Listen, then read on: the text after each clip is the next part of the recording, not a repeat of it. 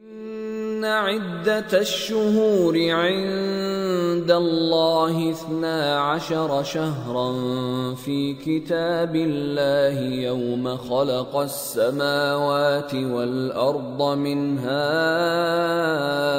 أربعة حرم ذلك الدين القيم.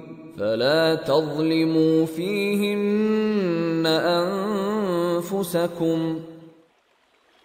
ربك الذي جعلها لك محلا لمضاعفة الأجر وخوفك فيها من عظيم الوزر. يقويك بذلك على نفسك. ويعلمك أنك تستطيع التقوى والمتاجرة والربح. فاجتهد في الطاعة كما ينبغي. وتخير من عظائم الأمور أكثرها أجرا. فاملأ بها وقت فراغك. واجتهد فيها قدر ما تستطيع فلعلك أن تفوز بأجور السنين في قليل من الشهور فإن تساءلت بينك وبين نفسك وقلت قد تبين لي حرمة هذه الشهور وعظيم شأنها فكيف أفعل؟ قيل لك إن أول ما ينبغي عليك مراعاته والاعتناء به هو أن تكون معظما لما عظم الله فإن تعظيمك له دليل على تقواك.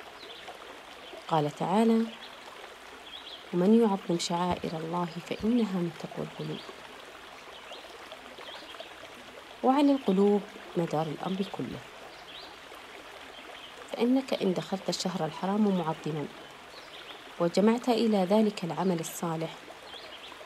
فقد أعطيت نفسك حظها من الإنصاف والتكريم.